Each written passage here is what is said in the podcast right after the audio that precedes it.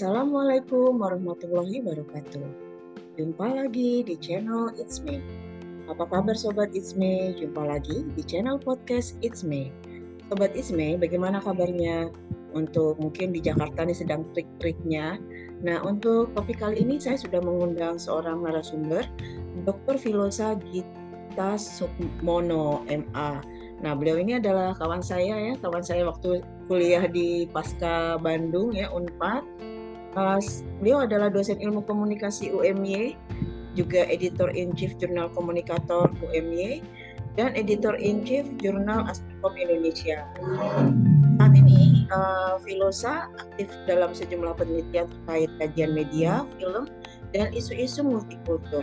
Selain itu, ia juga sempat menulis beberapa buku bersama koleganya tentang ekonomi politik media sebagai kajian kritis, sport komunikasi, uh, juga uh, di tahun yang sama uh, menerbitkan buku Komunikasi Multikultur, melihat multikultur dalam genggaman media, lalu cyberspace dan kultur, melihat dinamika budaya konsumerisme, jurnalisme sensitif bencana, dan satu lagi tentang komunikasi kesehatan. Wow, nah, cukup banyaknya karyanya Mas Vilo dulu juga uh, Sobat Isme. Ketika kita sama-sama kuliah, uh, Mas Vilo ini adalah mungkin yang termuda ya di yeah. samping di samping Gema. Tapi walaupun yang termuda lulusnya juga lebih cepat ya dibandingin yang usianya di atasnya waktu itu kalau nggak salah Mas Vilo masih usianya 20-an ya. 29 ya. 30. Oh iya, ya. jadi inilah uh, usianya lebih muda tapi pengalamannya lebih banyak. Nah, Mas Vilo gimana kabarnya nih Mas? Alhamdulillah baik kok. Ya, di Jogja lagi musim apa nih, Mas? Di Jogja ini cuaca lagi anu nih apa sama kayak Jakarta ya, lagi panas, panas, terus hujan ya. Yo, mungkin kesibukannya saat ini? Ya, kesibukan saat ini ya ini apa yang pertama sehari-hari aktif sebagai ini ya editor in chief di hmm? jurnal komunikator dan di jurnal Aspikom, kemudian reviewer di puluhan jurnal di Indonesia dan beberapa di internasional.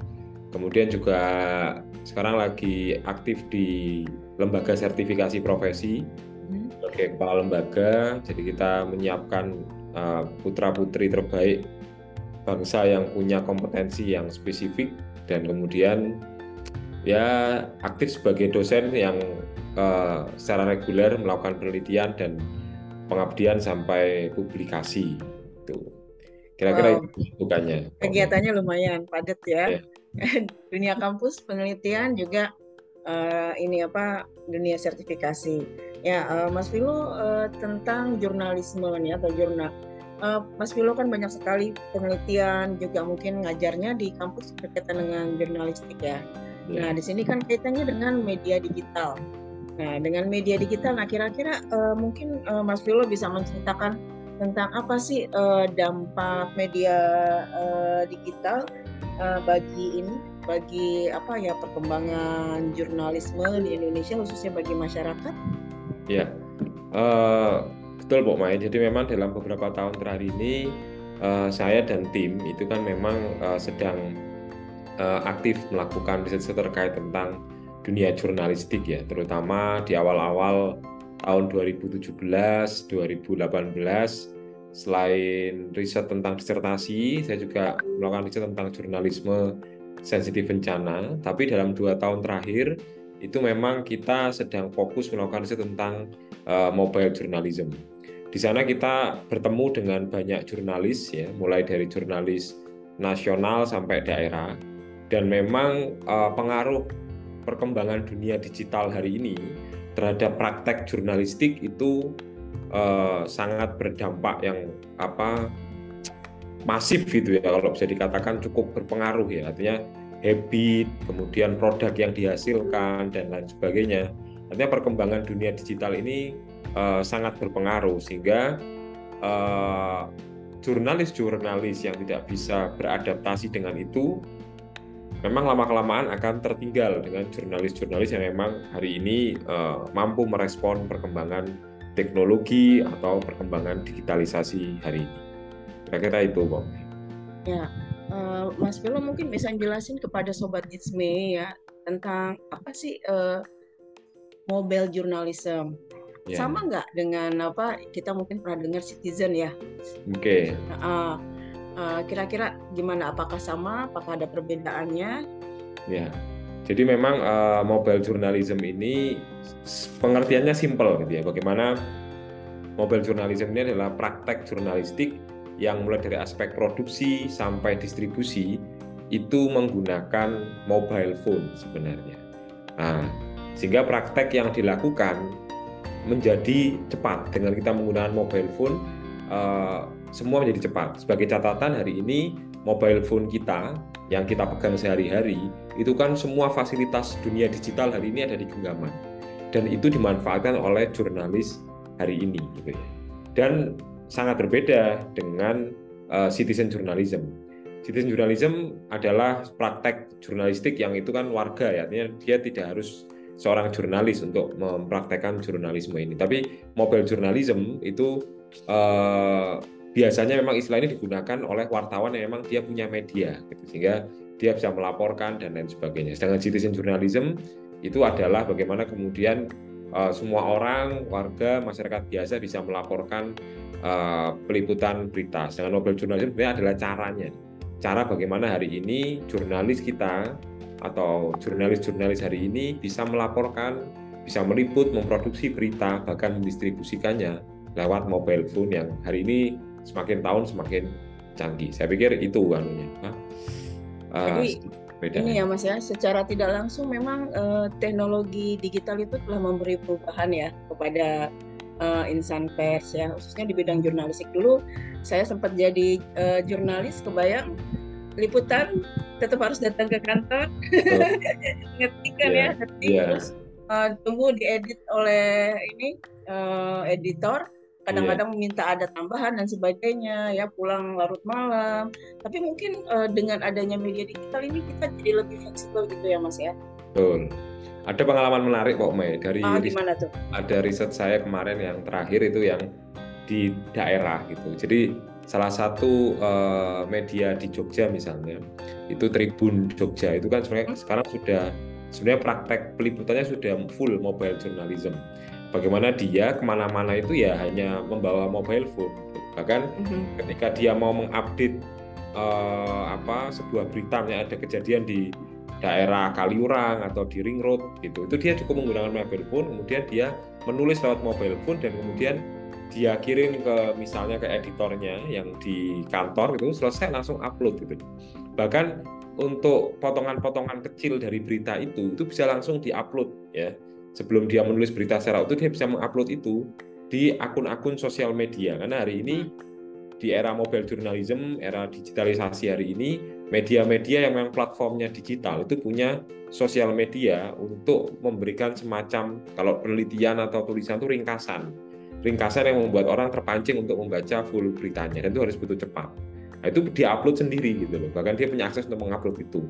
Nah, ini bisa dibayangkan tadi kan dari habitnya Pokme yang dulu jadi jurnalis era ketika itu ya bahkan saya juga mengalami era itu ya. jadi wawancara aja harus pakai apa itu kertas kemudian uh -uh. atau pakai tip nah, recorder ya kan tip recorder harus lari ke ruang redaksi uh -huh. untuk untuk menuliskan itu baru kemudian masih panjang nanti ada rapat-rapat untuk apakah berita kita layak atau tidak tapi di era saat ini tuh semua terpotong gitu semua menjadi lebih ringkas bahkan terkait masalah SDM pun hari ini jauh lebih uh, efisien dengan adanya mobile journalism itu. Bahkan cukup satu dua orang aja sebenarnya sudah bisa membuat sebuah media yang berbasis digital itu bisa hidup, bahkan bisa moving lebih baik. Mungkin arahnya bisa ke sana nanti ini anu ya apa perkembangan terus menerusnya seperti itu. Ya, eh, kira-kira apakah ini mencakup semua media, Mas? Uh, misalnya ya yang cetak, audio, audio visual, atau mungkin uh, hanya sebatas media tertentu saja seperti media cetak yang dulunya memang kalau cetak itu kan lebih ini ya, lebih ribet ya karena harus ditulis. Kalau yang lainnya tinggal ngambil gambar dan sebagainya perlu ditulis dan editnya juga beda atau gimana? Atau mungkin sudah mencakup semuanya? Ya, dari riset yang kami lakukan dalam dua tahun terakhir ini, jadi di tahun pertama kami melakukan riset di media-media nasional. Kemudian di tahun kedua, tahun ini, kami mencoba melihat bagaimana uh, media lokal dalam hal ini adalah di daerah Jogja. Nah, uh, mayoritas memang media-media besar yang basisnya seperti Kompas, Metro TV, atau mungkin kemarin kita sempat ngobrol dengan dengan CNN yang dia punya basic dulu pernah media cetak dan hari ini masih ada media cetak dan punya sumber daya yang banyak itu mereka bisa lebih cair dalam melakukan proses uh, penerapan mobile journalism ini. Jadi yang uh, yang yang cetak kemudian bisa melakukan kombinasi cara peliputan dengan mobile journalism tapi dengan uh, memproduksinya dengan kemudian dengan cara-cara yang uh, seperti media uh, media seperti yang dulu gitu ya.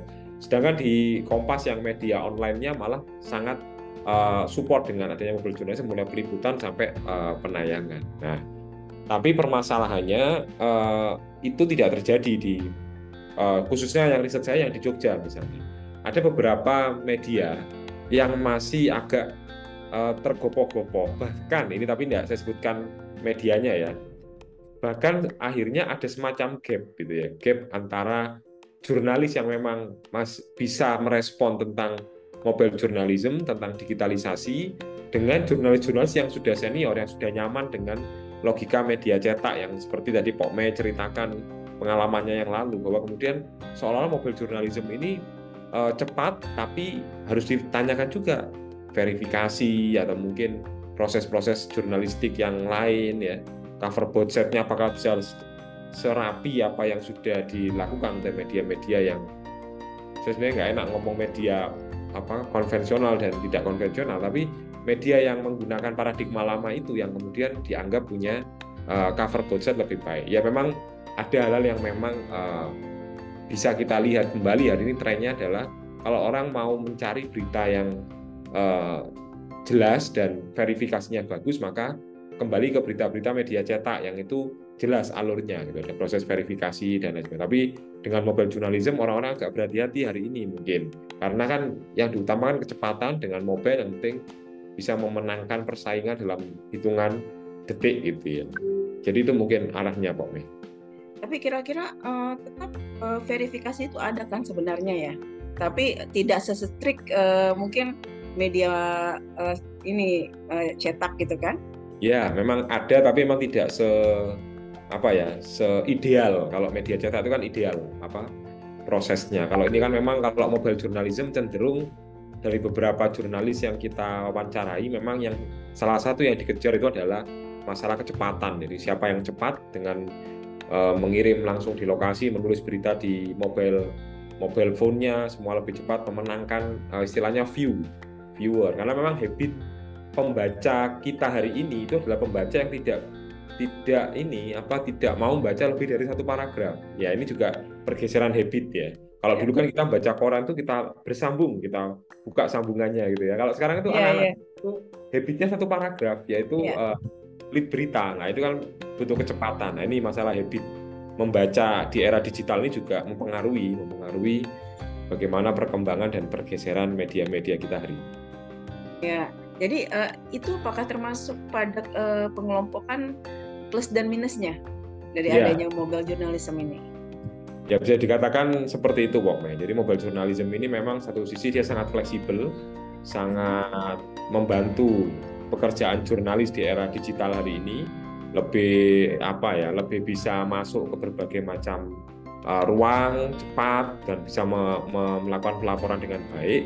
Tapi memang uh, ada hal-hal yang kemudian uh, cukup riskan ketika media-media tidak memperhatikan proses verifikasi ini. Beda dengan media cetak yang kemudian mungkin yang hari ini masih menggunakan kaidah-kaidah jurnalis yang memang masih uh, ini apa masih tetap dijalankan gitu ya. Ya, tapi sekarang juga nasib media cetak ini ya Mas ya dengan adanya media digital semakin terpuruk ya. ya Di satu sisi uh, apa minat baca masyarakat kita juga semakin ini kan ya semakin ya. rendah. Mereka lebih habitnya tuh ke inilah ya ke sekarang paling ke digital ya yang bisa dilihat dan didengar seperti itu. Nah uh, mungkin eh, kira-kira berarti uh, media apa siapa dulu nih Mas yang kira-kira mungkin bisa uh, pertama kali melakukan mobile journalism ini kalau di Indonesia?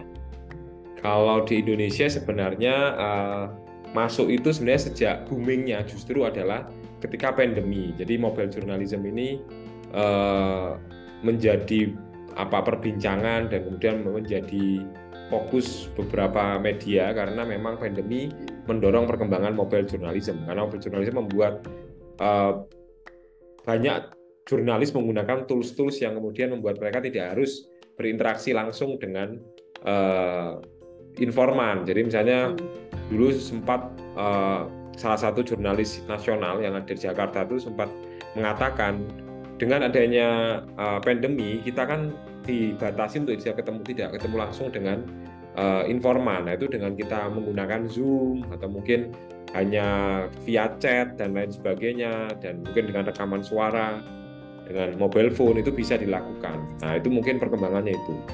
Kalau di Eropa sih sebenarnya kalau di luar negeri sudah berkembang uh, sejak lama ya mobile journalism ini. Tapi di Asia khususnya dan di Indonesia saya pikir perkembangannya uh, masih ketika pandemi itu. Bahkan uh, di Indonesia sendiri, Pak Mei itu naskah-naskah tentang mobile journalism itu masih sangat uh, sangat ini apa sangat terbatas gitu ya. Hmm.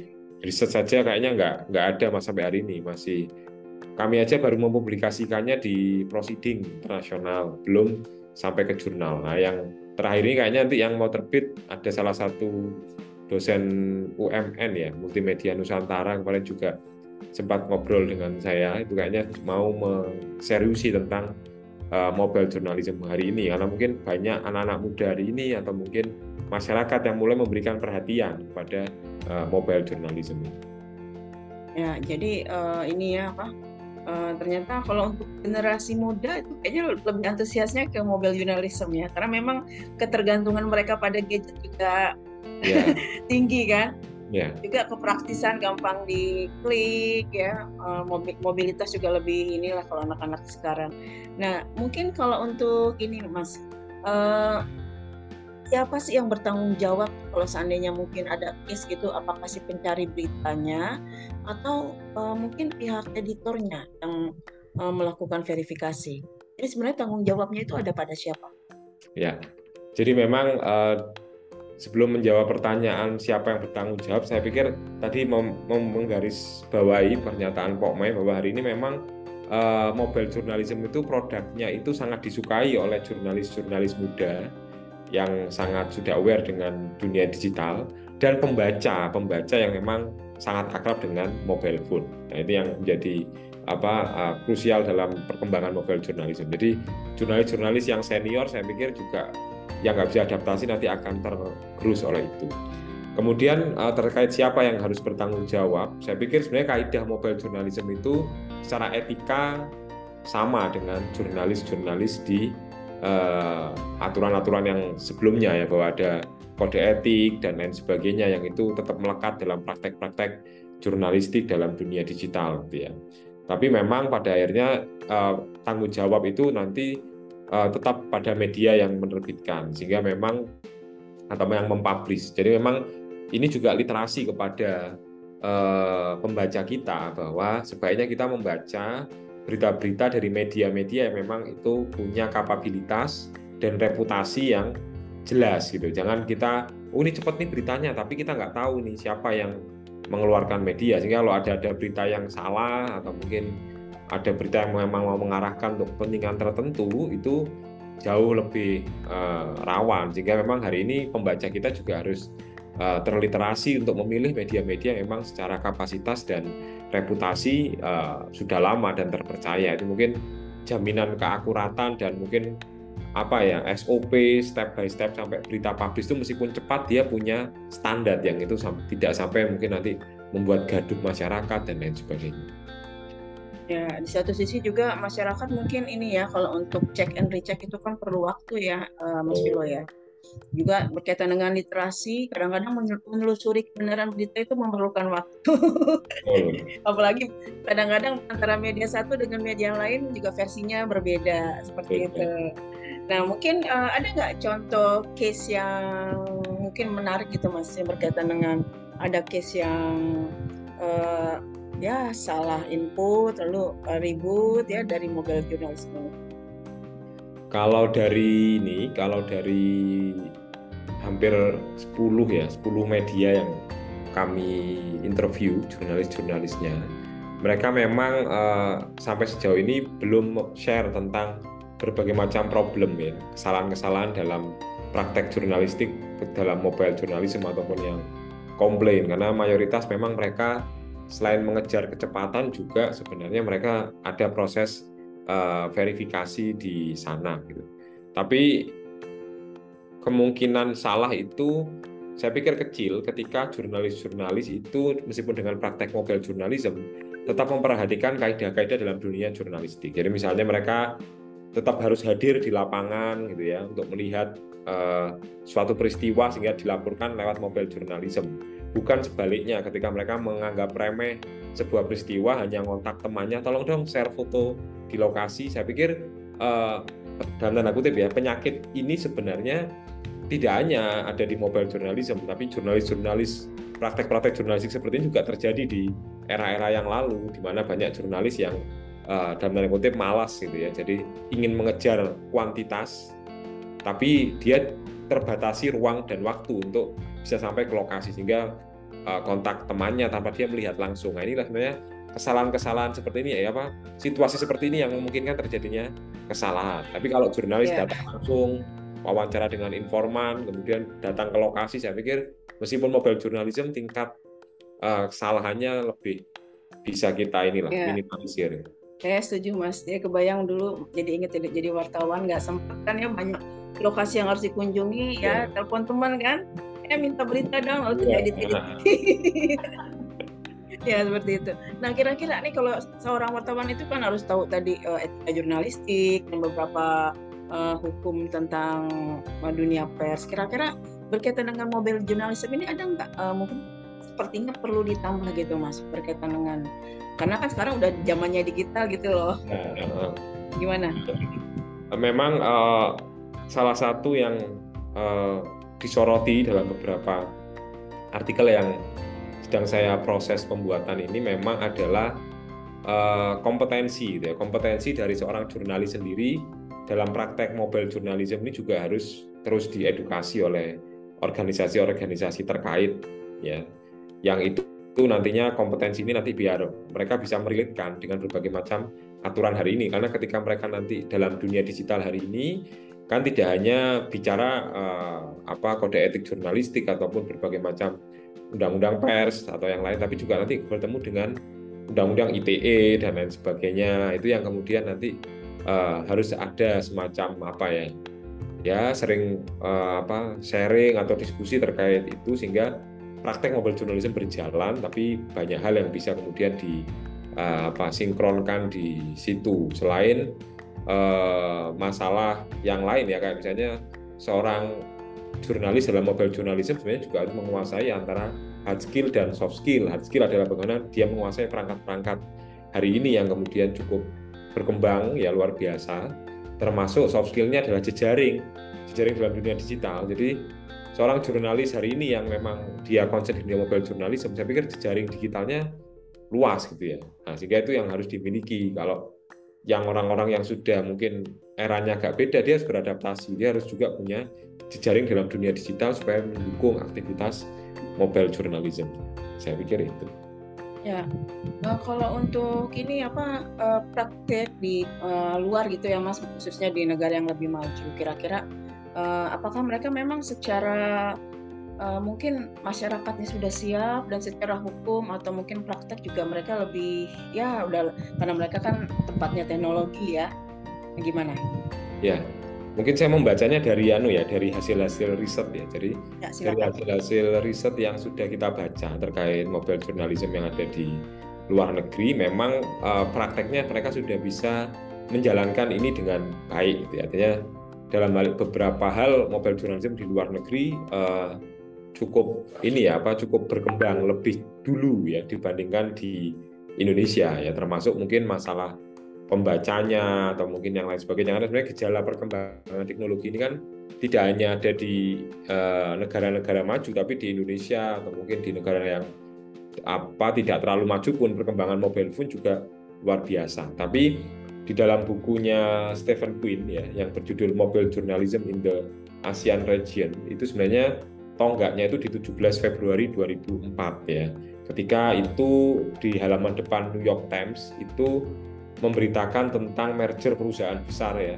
AT&T and Singular waktu itu dan foto diambil dengan uh, telepon seluler. Nah, di sana sebenarnya perkembangan itu. Nah, ketika uh, mulai masuk ke halaman depan New York Times itu itu menunjukkan bahwa sebenarnya sudah sejak lama mobile journalism berkembang. Sedangkan di Indonesia itu terhitung masih sekitar lima tahun terakhir ini kemudian mobile journalism berkembang di Indonesia. Jadi memang kalau kita head to head kan memang uh, di sana sudah mulai ada sejak 10 tahun bahkan lebih 10 tahun yang lalu lebih ya saya Indonesia baru uh, eh, 3 sampai 5 tahun terakhir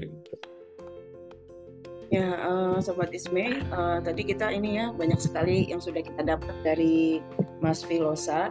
Uh, memang berkaitan dengan mobile journalism ini tidak lepas dari dampak uh, media digital yang merambah ke dunia uh, media ya. Jadi mau tidak mau ya uh, insan pers termasuk masyarakat sebenarnya harus beradaptasi. Mungkin dari masyarakat uh, terliterasi dengan mungkin melihat minta ya mungkin tidak asal terima gitu ya mas berita-berita yang ada mungkin bisa cek and recheck lalu mungkin dari dari mungkin persnya itu sendiri harus siap ya dengan kemajuan dunia digital. Jangan lupa tetap verifikasi verifikasi dan verifikasi ya. Dan uh, selain mungkin uh, ada misalnya tadi uh, etika jurnalistik, sekarang ada yang namanya undang-undang IITE. Ya IT ya, seperti itu. Nah, tentunya ini menjadi hal yang perlu diketahui karena kalau ada pelanggaran sedikit berbeda dengan mungkin media kayak koran dulu cetak ya, yang mungkin hanya sebatas yang baca. Tapi kalau sekarang sudah bisa bus ya ke seluruh dunia ya seperti itu. Ya uh, Mas Filosa, uh, terima kasih sekali nih untuk bincang-bincang singkat kita kali ini ya tentang mobile journalism. Namun menutup uh, bincang-bincang kita, uh, saya meminta mungkin Mas Filosa bisa memberikan uh, semacam penutup gitu ya tentang boleh itu mungkin kaitannya tentang ini ya uh, mungkin tips ya bagi dunia uh, jurnalis ya jurnalisme atau mungkin uh, pada sisi masyarakatnya berkaitan dengan mobile journalism ini. Silakan Mas. Ya. Jadi memang hari ini uh, praktek mobile journalism sudah tidak bisa kita ini ya Pak hindari. Nah ini saya tantangan untuk jurnalis kita bagaimana hari ini kita bisa merespon perkembangan ini situasi hari ini. Jadi kita merespon dengan terus mengasah uh, kompetensi-kompetensi dalam bidang mobile journalism, memperkuat hard skill dalam konteks mobile journalism dan soft skill dalam mobile journalism sehingga perkembangan mobile journalism ini nanti akan berjalan beriringan dengan habit masyarakat digital hari ini yang memang butuh cepat, butuh apa pola-pola pemberitaan yang memang uh, ringkas yang itu memang sangat support ketika kita menggunakan mobile journalism. Meskipun kita juga tidak bisa meninggalkan uh, media-media uh, yang menggunakan paradigma lama karena ternyata juga hari ini uh, proses verifikasi dan lain sebagainya juga masih sangat kita butuhkan untuk bisa melihat sebuah berita ini memang uh, clear atau tidak ya. Sedangkan mobile journalism lebih menekankan pada kecepatan yang itu memang juga dibutuhkan oleh masyarakat digital hari ini gitu. Saya pikir ini perkembangan hari ini yang memang harus kita respon dengan baik. Ya, uh, terima kasih sekali Mas Filosa, sukses ya untuk riset-risetnya. Dan Sobat Ismay, uh, demikian bincang-bincang saya dengan Mas Filosa dari UMY Yogyakarta. Semoga bisa menjadi literasi ya tentang bagaimana kita bisa memanfaatkan media digital dan mungkin menjadi konsumen uh, media digital. Jadi ibaratkan kita harus uh, cerdas, cepat, dan tentunya kita bisa lebih uh, check and recheck dari informasi yang kita terima dan karena biar bagaimanapun kemajuan media digital itu tidak bisa kita elakkan ya. Kita harus siap menjadi masyarakat digital begitu pula dengan persnya. Ya sobat Isme terima kasih sudah tune in di uh, channel podcast It's Me. Salam sehat salam literasi. Salam terima kasih Mas Philo